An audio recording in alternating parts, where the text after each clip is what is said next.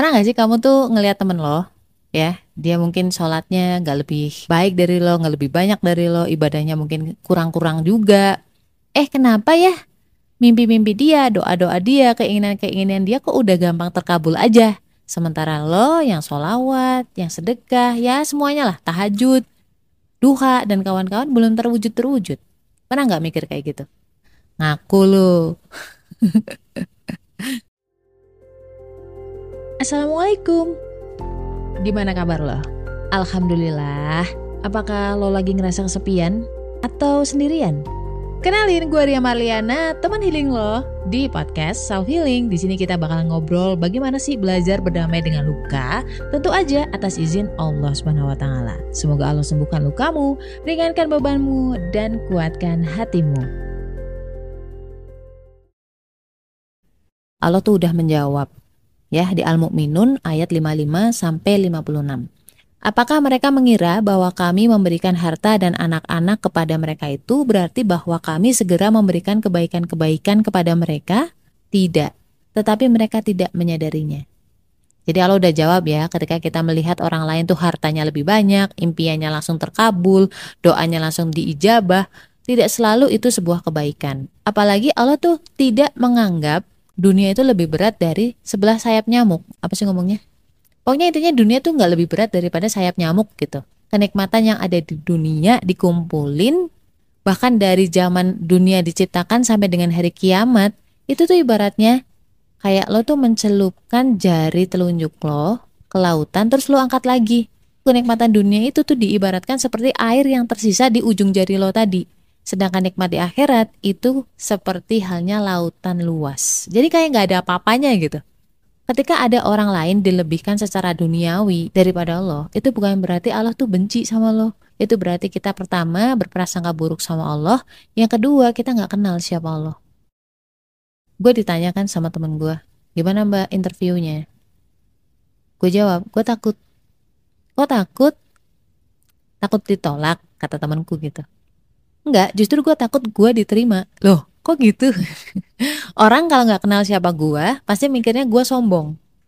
Ya kan, kayak ih pede banget tuh bakal diterima. Sebenarnya bukan karena itu.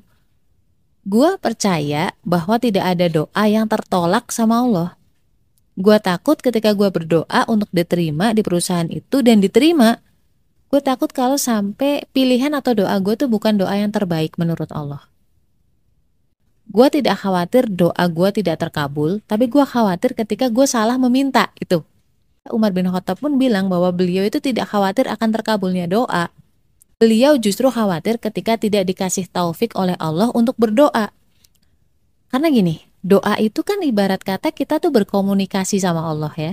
Kalau misalkan gue kerja di perusahaan, doa ibarat kata gue masuk ke ruangan bos, mengusulkan sesuatu, meminta sesuatu ya kan? Pasti kan kita saling ngobrol tatap menatap gitu kan? Ada komunikasi lah. Kalau kita sering kontak dengan pimpinan kita kontak dengan bos kita ngobrol banyak kan akhirnya satu sama lain jadi saling percaya. Hubungan jangka panjang itu akan berhasil kalau timbul rasa saling percaya. Bener nggak? Dan rasa percaya ini akan timbul ketika kita sering berkomunikasi satu sama lain Begitu pula dengan Allah. Ketika kita berdoa, itu adalah cara komunikasi kita dengan Allah. Kita merasa dekat dengan Allah. Kan Allah bilang bahwa ketika hambamu bertanya tentangku, katakanlah bahwa aku tuh dekat. Kita flashback ke katakanlah 10 tahun ke belakang. Ketika tamat SMA, kenapa ya gua ingin masuk UGM contohnya kayak gitu. Terus lu mengangkat tangan berdoa, ya Allah tolong loloskan hamba di UGM akhirnya lu lolos tuh ke kampus ke UGM pernah nggak terpikir oleh kalian siapa sih yang mengilhamkan keinginan itu? Keinginan untuk masuk UGM siapa lagi kan kalau bukan Allah? Ya mungkin awalnya kayak aduh kenapa ya gue pengen banget ke sono? Kenapa ya rasanya kayak nggak mungkin? Gitu. Kalau misalkan melihat diri kita sendiri melihat privilege kita kayaknya tuh nggak mungkin. Kenapa Allah mengilhamkan itu ke kamu karena Allah pengen ngasih itu ke kamu. Jadi sebelum mengangkat tangan untuk berdoa, sebenarnya Allah tuh udah mau udah siapin hadiah itu ke lo. Kan tidak ada doa yang tertolak sebenarnya. Setiap doa pasti Allah kabulkan. Bahkan sebelum lo mengangkat tangan untuk berdoa. Mungkin teman-teman yang lain buat kamu-kamu mungkin usianya kan masih pada muda gitu ya. Kalau gue kan udah STW gitu. STW, setengah tua. Tapi insya Allah jiwa gue tetap muda. Jadi gini, kenapa dulu gue dikasih keinginan untuk kuliah di UGM? Kenapa nggak yang deket-deket rumah aja? Karena memang dari awalnya Allah tuh udah pengen gue tuh kuliah di UGM. Kenapa Allah pengen gue mampir dulu ke UGM di dalam hidup gue? Kenapa Allah tuh pengen gue mampir ke UGM dulu nih di usia sekian sampai sekian? Di situ tuh ada orang yang bakal ketemu dengan gue, ada dosen, ada ustadz, ada teman-teman yang ngajak gue ke rohis, rohani Islam ya, ada teman-teman yang ngajak gue ke BEM, ada orang-orang yang nyebelin. Tuh udah tertulis semua di situ, orang-orang siapa aja yang bakal ketemu gue. Allah pengen gue mampir ke sana karena di UGM itu gue mendapatkan pelajaran. Ada pelajarannya. Ya di sana gue belajar tentang agama lebih fokus dibanding ketika gue di rumah. Indahnya berdoa tuh di sini. Allah udah mau ngasih itu sebelum kamu berdoa bahkan Allah sudah tahu keinginan lo tapi Allah tetap mendengar doa-doamu karena apa karena Allah pengen selalu deket sama kita dan kita deket sama Allah itulah indahnya berdoa Ketika doa kamu terkabul lalu kamu lupa dengan Allah, justru itu bukan anugerah, itu musibah. Orang yang disayang Allah adalah orang yang diberi kebaikan oleh Allah.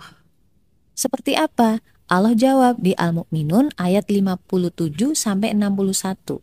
Sungguh orang-orang yang karena takut azab Tuhannya, mereka sangat berhati-hati. Dan mereka yang beriman dengan tanda-tanda kekuasaan Tuhannya, dan mereka yang tidak menyekutukan Tuhannya, dan mereka yang memberikan apa yang mereka berikan atau sedekah dengan hati penuh rasa takut karena mereka tahu bahwa sesungguhnya mereka akan kembali kepada Tuhannya. Mereka itu bersegera dalam kebaikan-kebaikan dan merekalah orang-orang yang lebih dahulu memperolehnya. Jadi tentang waktu sebelum terkabulnya doa lo, itu kan kita selalu ingat sama Allah. Kita menambah ibadah-ibadah kita, sedekah, makin berhati-hati dari dosa, semakin bertawakal, makin memperkuat dan percaya sama Allah bahwa Allah itu baik, Allah pasti mengabulkan doa setiap hambanya. Itulah kebaikan. Orang-orang yang bertawakal, kata Allah itu, dijanjikan akan masuk surga tanpa perlu dihisap.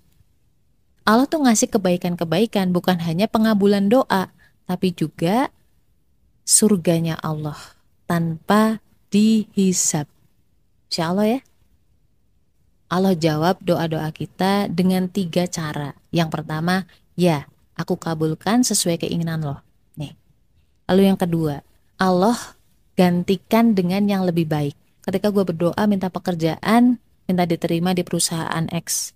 Allah gagalkan gue, tapi nggak berapa lama gue diterima di perusahaan Y yang jauh lebih enak, lebih enak di sini bukan hanya sekedar materi doang, tapi lebih enak secara waktu gue bisa beribadah, bisa sholat tepat waktu.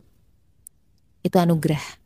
Lalu yang ketiga, Allah jawab dengan kata-kata sebentar, nanti dulu karena Allah sedang mempersiapkan kita, mempersiapkan kepantasan kita untuk mendapatkan yang terbaik.